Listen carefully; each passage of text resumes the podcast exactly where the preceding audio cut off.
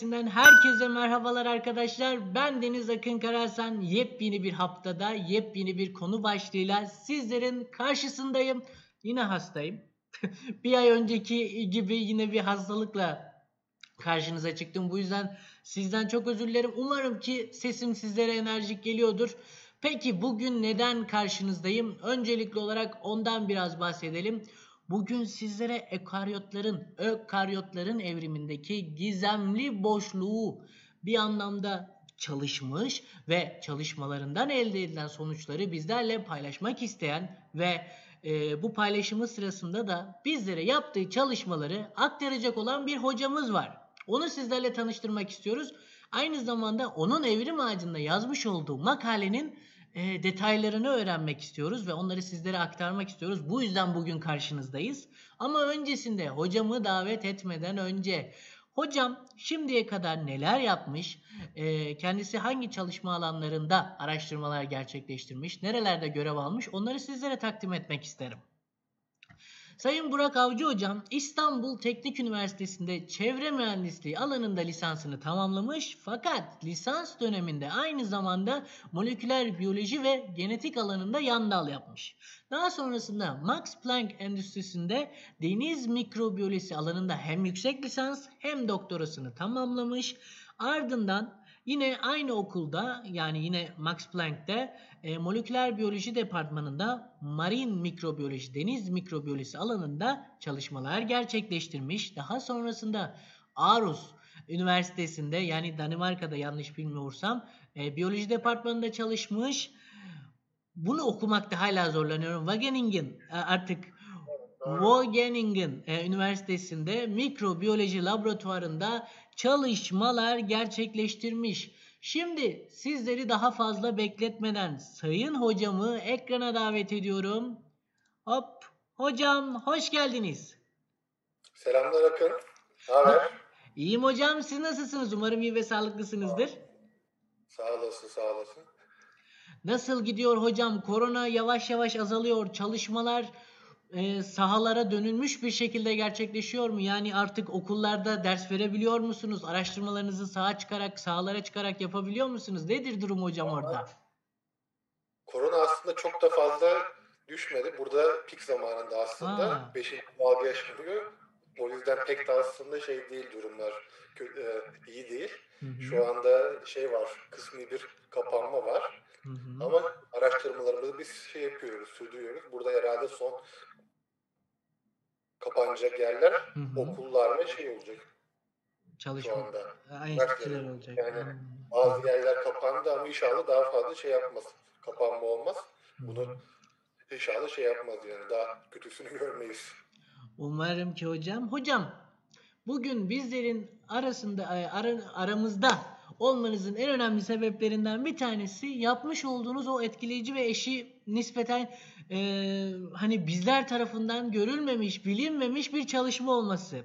Çalışmanızda da e, şöyle bir isimlendirme söz konusu evrim ağacındaki sitede ökaryotlar arasındaki daha doğrusu ökaryotların evrimindeki gizemli boşluk adı verilen bir makale yayınlamışsınız. Onu hemen izleyicilerimle paylaşmak istiyorum. Çok özür dilerim.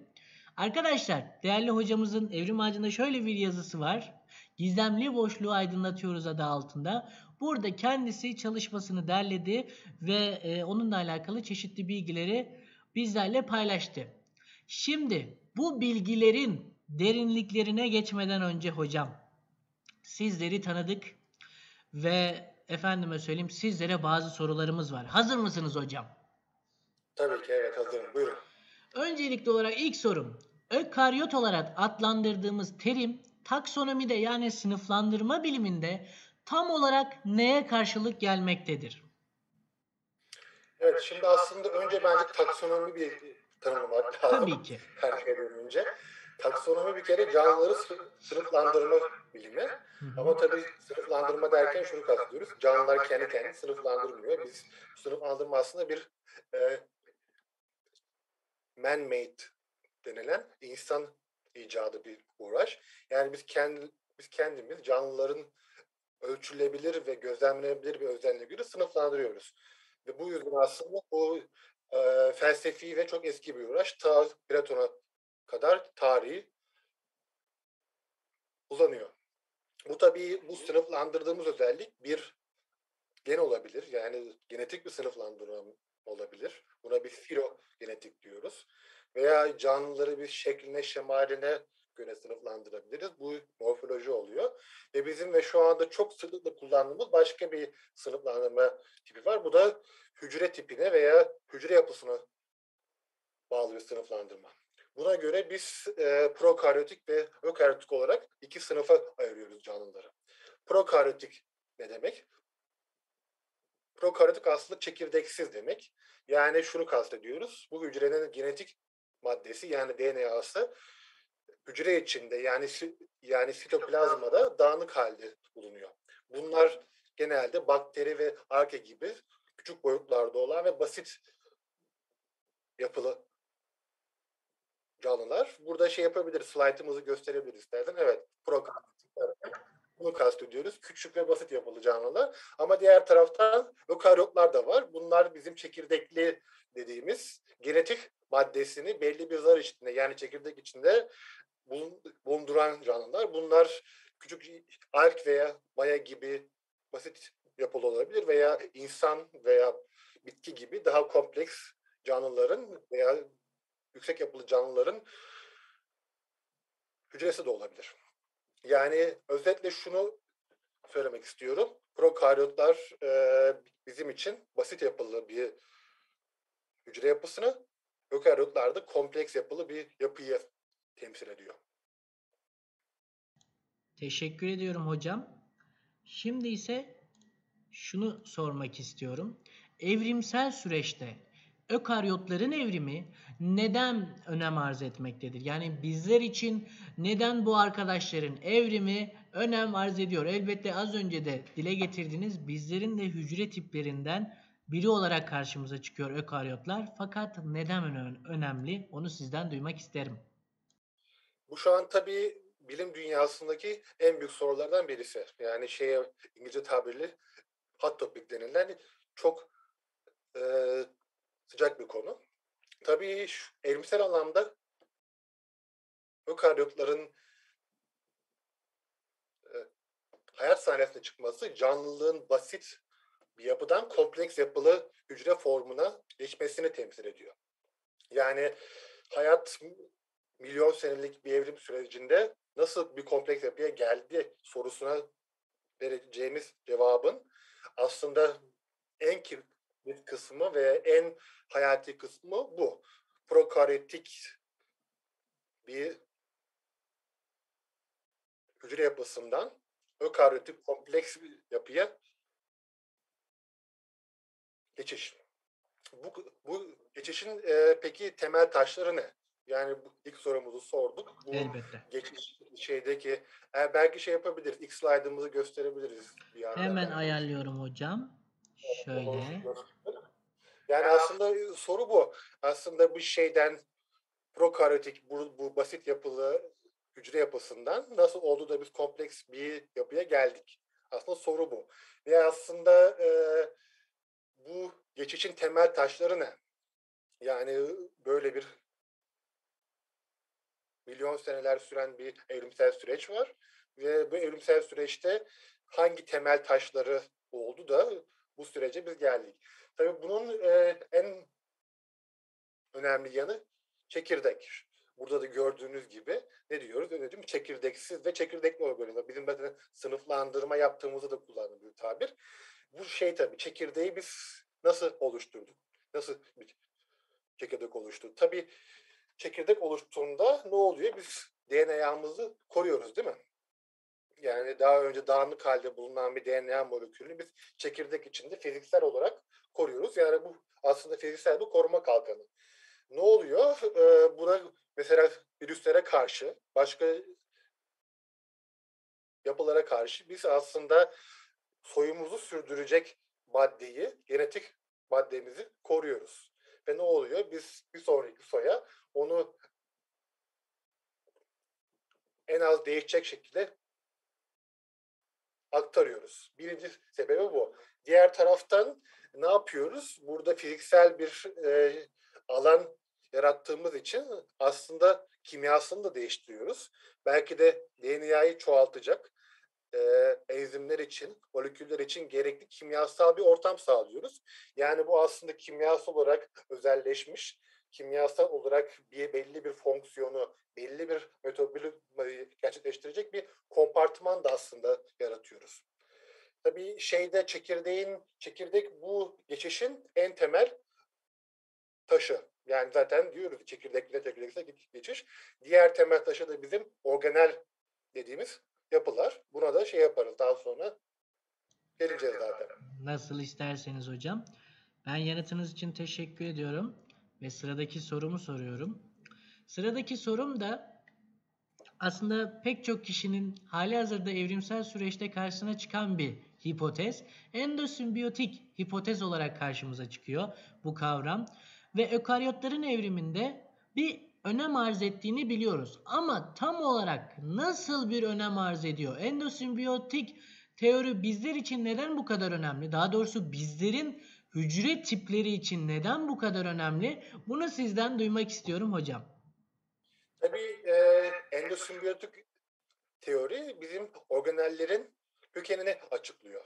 Yani organeller kompleks bir e, ökaryotik yapıdaki organeller nasıl oluştu sorusuna vereceğimiz cevabı açıklıyor aslında bu endosimbiyoz teori. Ve organel derken aslında biz neyi kastediyoruz? Bence onu bir tanımlamak lazım. Orijinal bir kere organel bizim hücre içindeki zarlı bir yapıya sahip ve belli bir metabolik fonksiyonu yapmak için özelleşmiş yapılar, zarlı yapılar aslında bunlar. Tabii bu çekirdek örneğinde söylediğim gibi e, bu kompleks bir Evet, aynen burada gördüğümüz gibi şeyde kompleks bir yapıda, kompleks bir hücre içinde sizin e, kimyasal ve fiziksel açıdan ayrı bir ortam sağlıyor. Mesela bunun en önemli örneği bence lizozom. Bu nedir? Sindirim için özelleşmiş organellerimiz bizim. Ne yapıyoruz? Sindirim enzimleri için gerekli pH'i, kimyasal ortamı sağlıyoruz. Fakat bir yer yandan da ne yapıyoruz? Fiziksel bir ortam sağlıyoruz. Zarlı bir organel ve bu, bu organel içinde biz fa- sindirim faaliyetlerini yürütüyoruz. Ökaryotik tipteki bir hücre. Ama ne oluyor? Eğer buzlar yırtıldığı zaman tüm hücre sindiriliyor. Bu, ne diyoruz? Otoriz diyoruz buna. Yani aslında bu zarlı yapı çok önemli bir hücre için. Ve belli bir metabolik e, fonksiyonu sağlamak için. Kararlılığını koruyor evet. bir anlamda. Evet, evet, evet. Şimdi bu girizgahtan sonra şeye başlayalım. Endosimbiyoz teoriye geri dönersek. Bu teori aslında bizim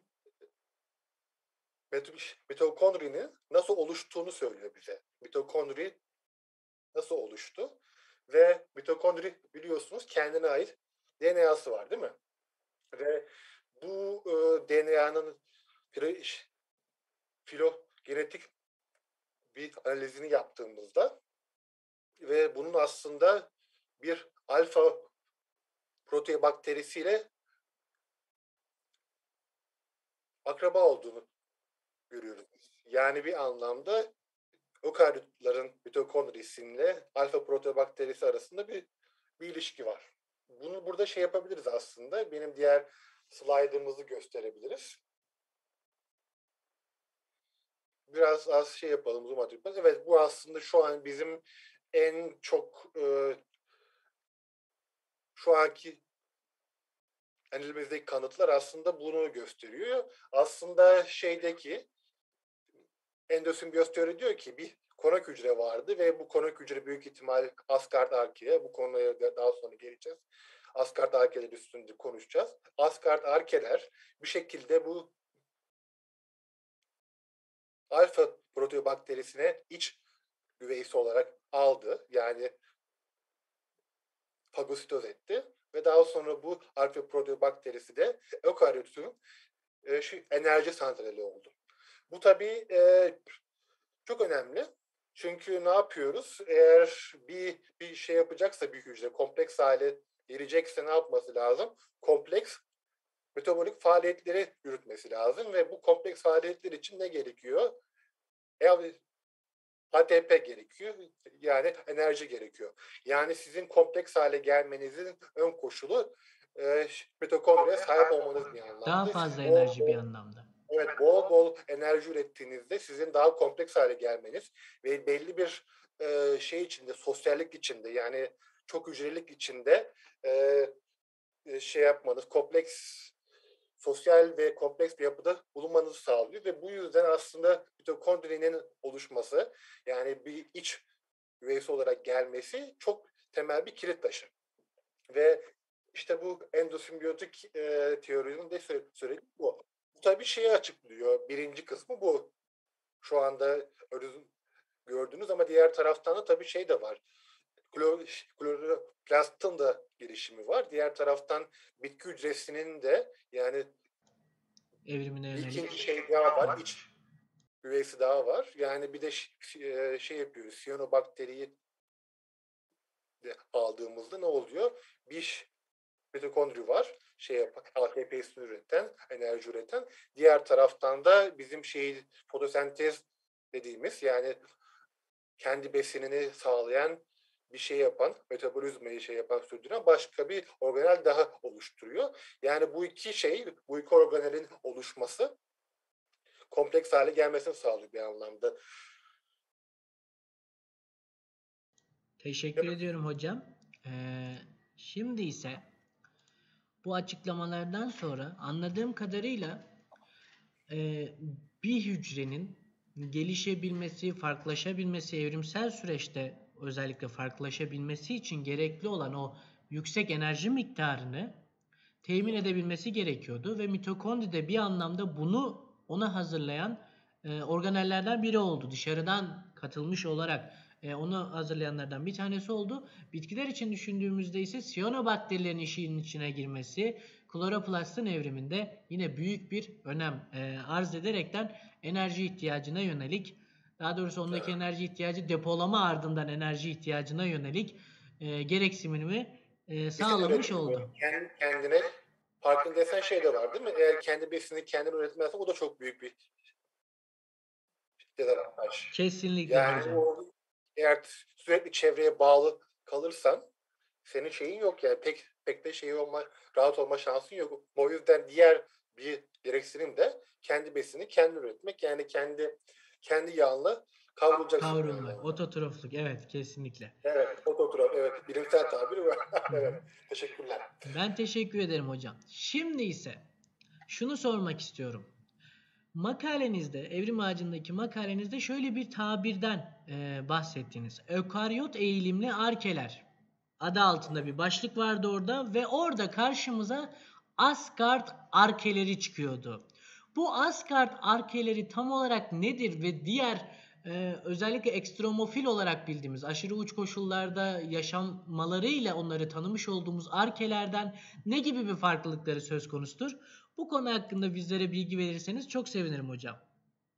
Tabii önce istersen bir arkeleri tanımlayalım. Ee, aslında 1900'lü 1970'li yılların sonuna kadar konuşmanın basında bahsettiğim e, prokaryotik ve ökaryotik tipleme çok revaçtaydı. Ama e, daha önce de söylediğim gibi bu tiplemenin dışında farklı sınıflandırma yöntemleri de var. E, bunlardan biri de genetik sınıflandırma. 1977 senesinde Carl, Carl e, adında çok değerli ve çok büyük işler yapan bir bilim insanı daha doğrusu arkelerden bahsediyorduk. İşte sınıflandırma ne, neydi daha önce? Prokaryotik ve ökaryotikti. Yani hücre yapısına bağlı bir sınıflandırma vardı. Carl geldi ve dedi ki ben şey yapacağım. Ribozomal genler üstünden farklı bir sınıflandırma yapacağım. Genetik sınıflandırma yapacağım dedi. Ve Carl söylediği tam ağaç üstünden konuşuyorduk. Ve bize şöyle dedi. Hayır dedi bu Prokaryotlar aslında iki farklı alemden oluşuyor. Birisi bakteridir, diğeri arkedir ve diğer alemde çekirdekli canlılardır. Yani burada üç farklı alemden bahsediyor. Third üç farklı domain. Yani evet şu anda herhalde tamam süper. Görüyoruz. Cuk diyor oturdu. Yani Chicago uzun söylediği bu tree domain tree. E, üç farklı alem var. Bakteri, arke ve çekirdekli canlılar. Yukarı. İşte, e, burada tabii Asgard arkeler ne oluyor? Asgard arkelerde arka aleminin bir e, şubesi. Ve tabii burada şey, Asgard'da çok komik bir isim tabii ki. Bu şey e, işte Kuzey Nordik masallarına dayanıyor. Hatta filmleri de var farkındaysanız. Marvel filmleri falan.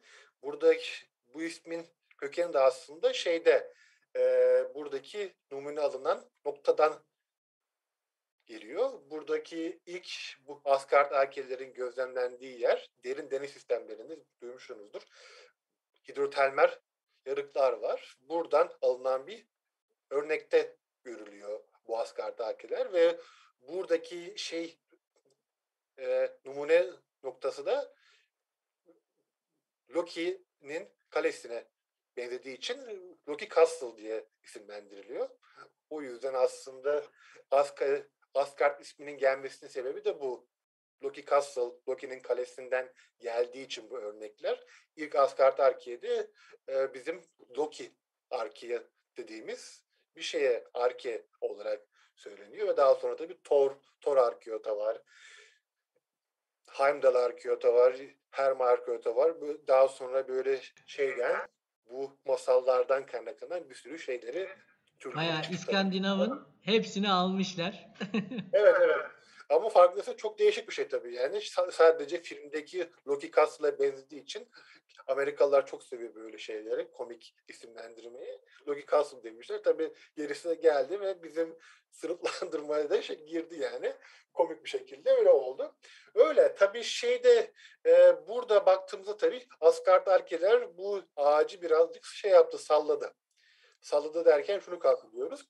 E, Asgard arkeleriyle bu şeyi ağacı bu ağaca biz Asgard arkeleri tekrar ekleyince şunu gördük. Aslında ökaryotlar yani çekirdekli canlılar Asgard arkelere komşu. Yani şeyde ökaryotlar Asgard arkelerin içinden evrimleşmiş. Yani şey gibi, dağ gibi düşünelim. Yani burada gördüğümüz gibi. Burada üç farklı ana dal yok. Çekirdekli canlılar arkelerin içinden ve özel olarak da Asgard arkelerin içinden evrimleşmiş. Yani bu aslında bu Karvuz'un üç, üç dallı ağacının bir dalını kesti ve şu an bizim aslında iki dallı bir ağacımız var. Bu ağaçlardan bir dalı bakterileri, diğer ağacı da hem arkeleri hem hem de ökaryotlara çıkıyor. Bu. Yani şeyde filo genetik olarak baktığımızda Asgard arkeler şu anda ökaryotların bildiğimiz bildiğimiz ve hala hayatta olan en yakın akrabaları. En yakın prokaryotik akrabaları. Yani bilimsel olarak tam olarak çevremizde bu. Bilinen bilinen e, hayatta olan en yakın prokaryotik akrabası. Tabii bu yolda erimsel olarak şu an nesil tükenmiş bir sürü şey olabilir. Dal olabilir ama şu an söylediğim şu an tek canlı dal bu. Yani şeyleri, prokaryotikleri prokaryotları ökaryotlara bağlayamıyor. Şu an canlı olan tek dal Asgard arkeler. Teşekkür ediyorum hocam. Şimdi bir anlamda e, geçiş yaparken de artık korkmaya başladım. E, paneller arasında geçiş yaparken az önce düşüvermişti. Kaçıran arkadaşlarımız hiç merak etmesinler.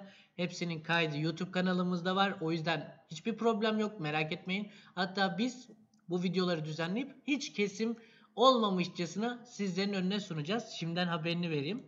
Şimdi değerli hocam bu Asgard adı verilen arkeler hakkında bir tanıtım gerçekleştirdik ve bu arkadaşlarımızın yüksek yapılı organizmalar, bir anlamda ökaryotlardan türeyen yüksek yapılı organizmalar ile olan akrabalıklarından bahsettik. Fakat benim merak etmek e, merak ettiğim soru şu. Bizler bu bağlantıyı ortaya koymak adına Asgard arkelerine nerede ve nasıl ulaştık? Daha sonrasındaki sorularımda ise bu bilgiyi nasıl elde ettik olacak. Ama şimdilik bu soruda sadece bu yaşayan akrabalarımıza nerede ve nasıl ulaştık bunu sizden duymak istiyorum. Ee, tabii Asgard arkeler çevremizdeki e, deniz suyunda veya deniz sedimentinde çok az sayıda da olsa bulunuyorlar. Yani bunlar aslında çevresel mikroorganizmalar. Ama buna gelmeden önce bir konuya daha bahsedeyim. Ee, az önce bahsettiğim filogenetik kanıtlarla beraber bir de metabolik kanıtlar var. Yani şunu demek istiyorum. Ee, Asgard arkelerde daha önce ökaryotlara özgü olduğu özgü olduğu zannedilen bazı proteinler de biz bulduk. Bu proteinler mesela hücre iskeletini oluşturuyor. Mesela hücre içindeki zar yapılarını şekillendiriyor. An gördüğünüz gibi bu da bizim bir arkadaşımızın Nature makalesinden. Yani e, zar yapısını şekillendiren hücre içi molekül transferi hücre iskeletindeki bazı proteinleri gördük. Yani filogenetik ağaçtaki komşuluğun yanında bir de şey de var. Metabolik bir benzerlik de var. Yani daha önce bizim kompleks yapılı canlılara özgü veya mahsus olduğunu sandığımız bir sürü protein de bulduk biz askartakelerde. Ve genetik genetik bilgiler bizim yani bu kompleks hayatın yapı taşlarına da işaret ediyor. Tabii şu an söyle şu an söylediğimiz her şey farkındasınız genler üstünden. Yani genlere baktık, ağacı yerleştirdik. Genlere baktık, abi şunu yapıyor, bunu yapıyor dedik. Metabolik bir haritasını çıkardık. Ama tabii bir de şey var. Genler bize her şeyi ifade etmiyor. Yani bir de şey var. İngilizcesi şey seeing is believing yani görmek inanmaktır diye bir şey de var. Yani bu genetik yapıyı bizim aslında bir şekilde görüntülememiz lazım veya genetik yapının son ürünlerini yani bu e, iskelet yapısını, bu taşıma mekanizmasını bizim mikroskop altında görüntülememiz lazım. Bu nasıl oluyor? Veya bu genleri biz gördük, bu genler var da belki de çok farklı bir fonksiyonu vardır. Mesela şimdi e, şu anda yine çok çalışılan bir konu aktin filamentleri var mesela Loki Arkea'da. Loki aktin deniyor. Normalde mesela baktığınızda kompleks yapılı canlılarda aktinin fonksiyonu e, şey hücrenin şekline şemalini şey yapmak. Yani bir şey gibi bizim e, kemiklerimiz gibi bir şey var, fonksiyonu var. Ama mesela askardakelerde bu şey için madde maddeleri taşınmak için belirli bir otoban gibi de şey yapabilir değil mi? Kullanabilir. Yani bizim e, genetik olarak gördüğümüz benzerlik şey olarak, metabolik olarak veya fizyolojik olarak farklı bir yere, farklı bir sonuca tekabül edebilir. Bunu söylemek istiyorum ve bizim bunu şey yapmamız için de e, ortaya koymamız için de görüntülememiz lazım. Yani bir hücreyi alıp mikroskop altında inciğini cinciğini çıkarmamız lazım. Bunu şey yap, evet. E, böyle şey yapalım. E, tabii şeyde nerede nasıl ulaştınız? Evet, o kısım. Başka şey yaptığımız gibi bunların Hı-hı. bunların sayısı şey e, şeyde her yerde bulunmuyor. Yani sayı şeylerin sayıları çok az. Şu an dünya üstünde bir sürü bir sürü grup var. Boğaz kartelkeleri bulmaya çalışan. ee, ve şanslıyız ki Danimarka'da benim çalıştığım üniversitede Aarhus'ta deniz sedimentlerinde az da olsa sayıları yüzde bir iki de olsa asker arkeler vardı, mevcuttu. Ama tabii bunu şey derken bir iki derken yani şeyleri sayı, sayıları çok çok ve az ve onları bulmak, görmek bayağı zor bir işlem.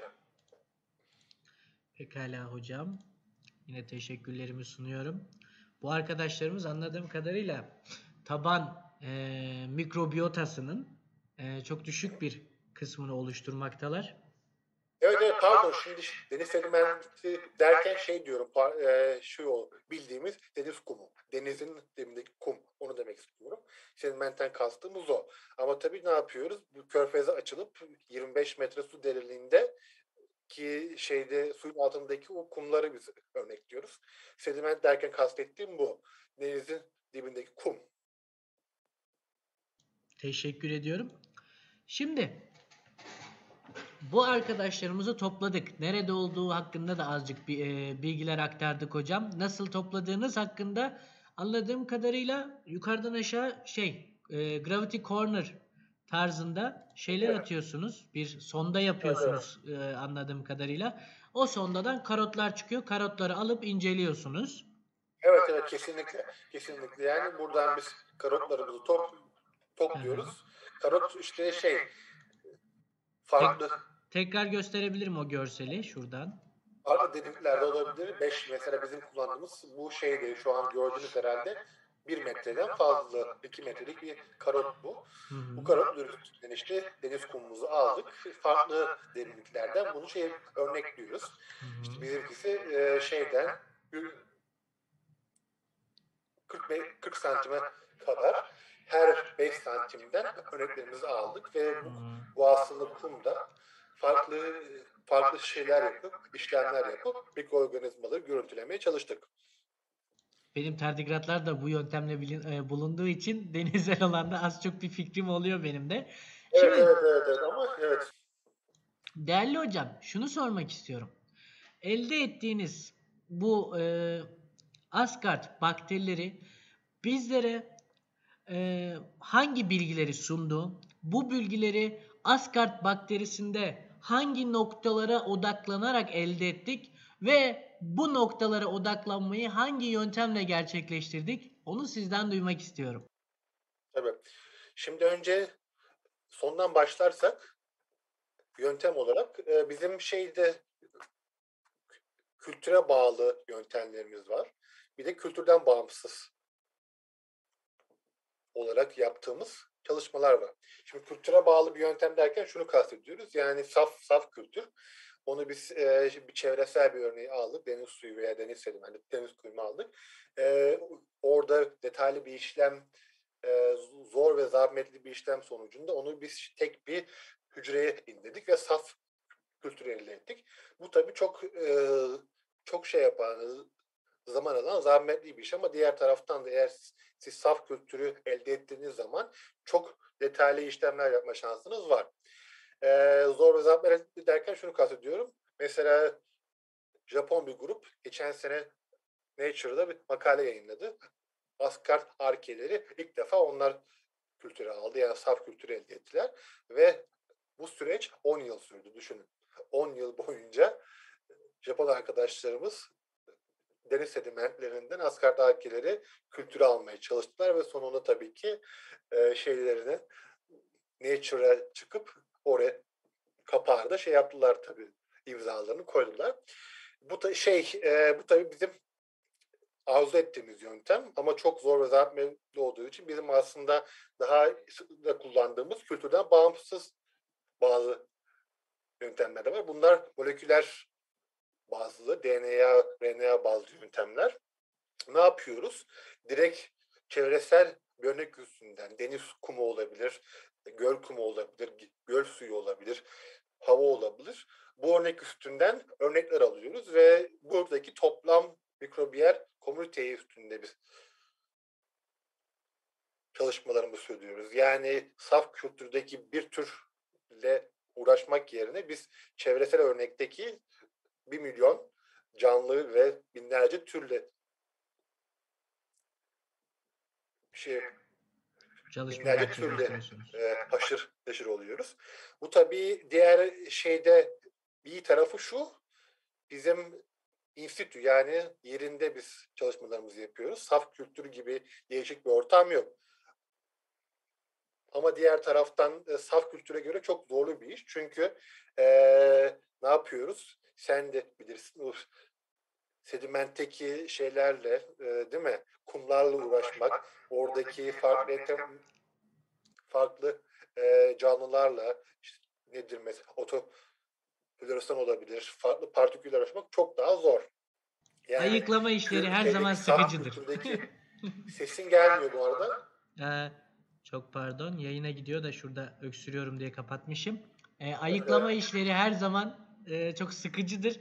O sizin hali hazırda işte karottan aldığınız örnekteki e, ne bileyim asıl odaklanmak istediğiniz canlı yerine sağdan soldan bir şeyler gelir sürekli. Tabii tabii tabii. Veya tabii, tabii, tabii. çerçöple e, çerçöple uğraşırsınız. O nefret verici böyle işin en sıkıcı kısımlarından evet. bir tanesidir. Kesinlikle. Ama tabii saf saf kültürdeki şey yok. Rahatlık yok.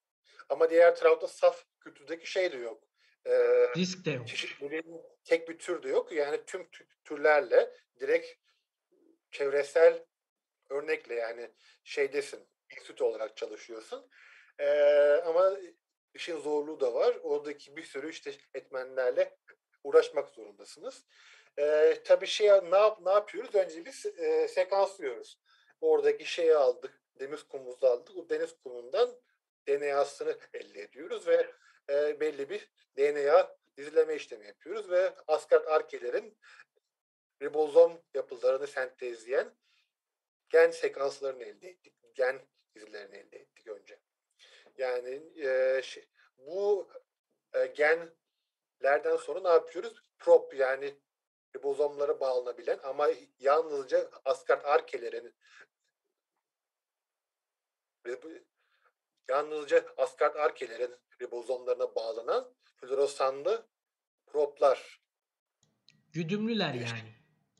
Evet evet yani şunu kastediyorum. Deniz kumunda bir bir milyon farklı mikroorganizma var. Ama bu floresanlı moleküller sayesinde biz bir milyon canlı istin bir milyon canlı içinde sadece ve sadece asgard arkeleri seçebiliyoruz. Sadece onları bizim işaretleme şansımız oluyor. Bunun da güzelliği bu. Evet, evet şey, saf kültür gibi değil.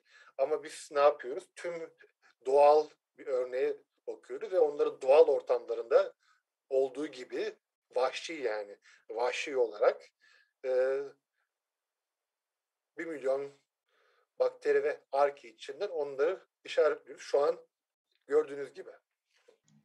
Yani Muazzam bunu, gerçekten. Evet evet tabii bunu yapmak e, şey e, zor bir iş ama eğer asgari arkadaşın sayısı çok azsa çok daha zor bir iş. Çünkü bir bir şey yapmak için, bir hücreyi görmek için, bulmak için saatler boyunca karanlık odada mikroskop altında çalışmanız lazım. Öyle bir zorluğu var. Yani tamam bunları siz işaretlediniz, kenara koydunuz ama diğer taraftan onları görmek, bulmak da başka bir iş. Şöyle diyeyim yani bu makaledeki şeyler için bir hücre için herhalde benim mikroskop altında karanlık odada bir saatimi almıştır. Bir hücreyi Sadece bulmak. bir hücre için. Oo. Bir saati almıştır. Yani buna şey yaptığınız zaman herhalde bu herhalde 2-3 hafta belki de bir ay alır. Bunun üstüne şey de var tabii. Bunun başka çalışmaları da var. Yani şey var. E, bulmak şey yaptınız, işaretlediniz. Tamam ama diğer taraftan sayıları çok az olduğu için onları bulmakta e, bayağı zaman alıyor. Bu tabii birinci kısmı bu. Ribozomlarını boyadık, işaretledik ama diğer taraftan şey işte şu an yeşil öde kırmızı olarak gördüğümüz sinyaller ama diğer taraftan bir, bir de şey DNA var. DNA'yı da boyuyoruz mavi olarak gördünüz. DAPI denen ve her türlü DNA'ya bağlanan bir şeyimiz var. Ee, hmm, molekülümüz var. Böyle.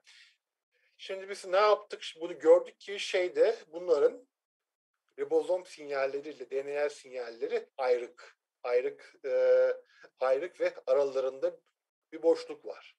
Bu aslında bizim için çok şaşırtıcı ve beklenmedik bir durumdu. Çünkü biz ne yapıyoruz? Normalde prokaryotlarda bahsettiğimiz gibi genetik madde hücre içine dağınık olarak bulunduğu için bizim bu sinyalleri aslında üst üste çakışık olarak görmemiz lazım. Ki bizim e, şey yaptığımız e, geleneksel olarak gördüğümüz, bildiğimiz sinyal yapısı bu. Bu işte fix sinyali, bizim ribozomdan gelen sinyali, DNA sinyali bir şekilde çakışır. çakışır.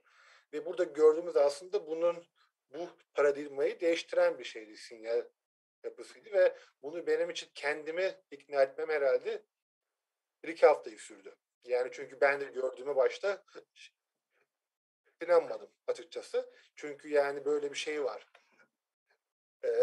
bu şey var. Konservatif bir yapı da oluşuyor değil mi? Sürekli gördüğümüz bir sinyal yapısı var. Sürekli gördüğünüz için böyle farklı bir şeyle karşılaşınca ona inanmakta çok zorlanıyorsunuz ve benim ve şahsen kendimi ikna etmemde herhalde bir, bir iki haftayı almıştır ve daha sonra kontrolleri yaptık. Tamam dedik evet bu doğru e, gerçek bir sinyal dedik. Böyle. Yani şey e, bir şaşırtıcı ve beklenmeyen bir sinyal yapısı var. E, şey acaba bu ne? Yani tabii şey yap bu filmleri gördük ama şu an bizim bunun ne olduğuna dair bir şeyimiz yok tabii. E, kesin bir kanıtımız yok. Tabii şey yaparak Asgard Arkeder'in daha önce bahsettiğimiz gibi kompleks hücre yapısını sentezleyen proteinleri olduğu için bunun biz bir kompartıman veya kompleks hücre yapısını işaret eden bir yapı olduğunu düşünüyoruz şu anda. Farkındaysanız şu an ribozomla DNA arasında bir boşluk var bu sinyallerde ve bu boşluğu acaba dolduran ne? Soru bu. Bu aradaki boşlukta bir şey olması lazım. Nedir bu? Bunun için farklı şeyler var tabii. Hipotezler var. Şu an bizim test ettiğimiz. Ne olabilir? Bu şeyi çekirdekle ribozom arasında bir, bir endoplazmik retikulum benzeri taşınım yapan bir organel yapısı olabilir. Birinci şeyi bu. Senaryo bu. Diğer senaryo bu ilkel bir çekirdek yapısı olabilir. Yani şu anda bizim çekirdek denen yapıya geçişi temsil eden proko, proto nükleus tarzı bir yapı olabilir. Yani DNA'nın e, şey yaptığı, kondens hale geldiği, yoğunlaştığı ama etrafında yarı bir zarın oluştuğu bir yapı olabilir. Protonükleus, geçiş formu gibi. Diğer taraftan e, bir şey de olabilir. Membran kırılması da olabilir. Yani bu ribozomlar ve DNA arasında bir zarlı bir yapı da olabilir. Şu an üç farklı şey var. Senaryo var, hipotez var.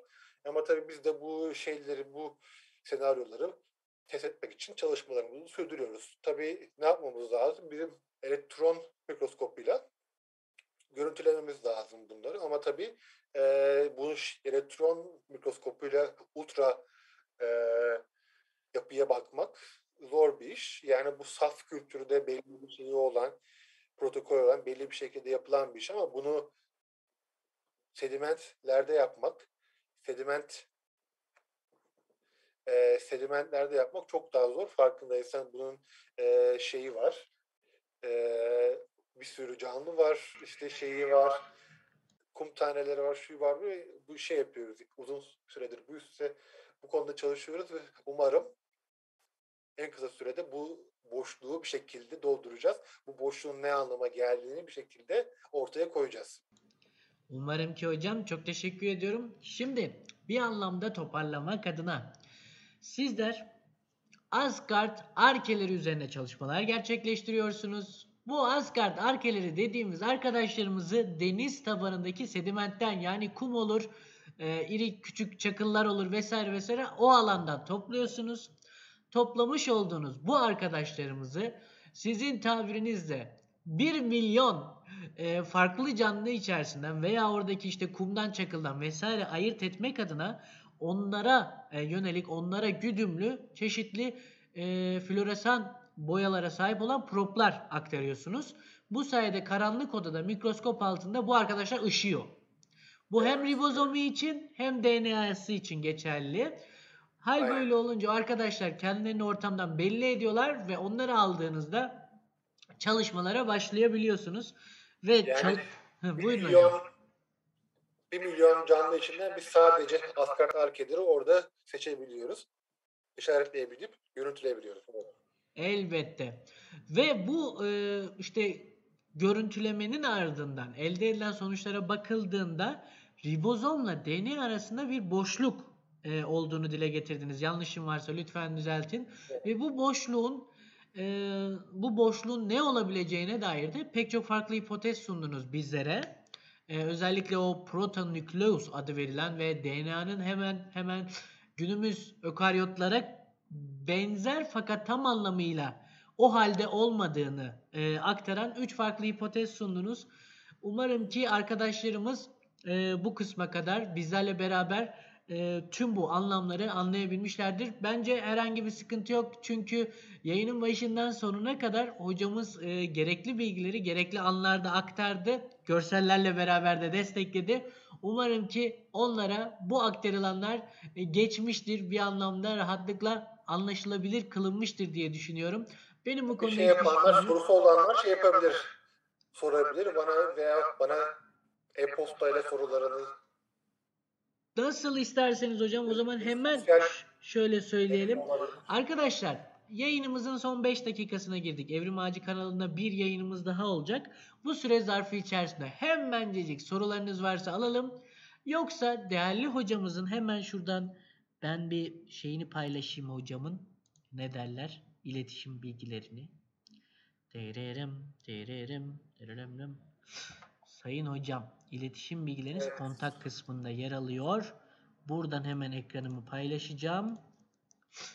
Bakın bakalım. Evet, iletişim bilgileri hocamızın burada yer alıyor. Ben bir de bunu size link olarak atayım. Tamam. Mail değil bir şey yapabilir. Ana sayfayı gösterebilirsin. Orada Şuradan ana sayfamı mail, gösteriyorum. mail, gönderebilirler veya benim sayfama girdiklerinde sosyal medya üstünden de arkadaşlar bana sorularını sorabilir. Tabii eğer bu konuyla çalışmak istiyorlarsa Hı hı. Buyursunlar bana sorularını şey yapsınlar, yazsınlar. Eğer şey olsun, master olsun veya belli bir şey yapanlar olursa, staj yapmak isteyenler olursa buyursunlar bana yazsınlar. Her zaman beklerim ve her zaman destek olmaya çalışırım. Muazzam. Daha neler densin.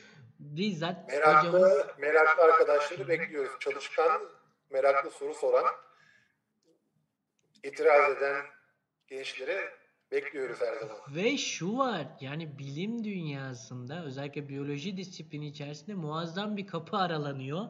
Şu an aralanmakta. Onun bir parçası olabilirsiniz. O aralayışın bir parçası olabilirsiniz. Hocamız direkt sizlere bu fırsatı sunuyor. Umarım ki bizleri izleyen veya bizleri daha sonradan izleyecek arkadaşlarımız bu e, çalışma alanını görür ve ona doğru yönelilir. Hocamın ilgili hesapları burada. Hocamıza bahsettiği üzere Twitter'dan, sosyal medya hesaplarından da ulaşabilirsiniz. Değerli hocam, yayınımızın yavaştan sonuna giriyoruz. Bizlerle paylaşmak istediğiniz son sözleriniz nelerdir acaba? Evet, çok sağ olun. Davet ettiğiniz için e, çok teşekkür ediyorum. Benim için çok büyük bir Biz teşekkür ederiz. Evrim Ağacı ailesine ve sana çok teşekkür ediyorum Akıncım. E, ve her zaman sorularınızı bekliyorum. Ve bir şeyim olursa, katkım olursa her zaman buradayım.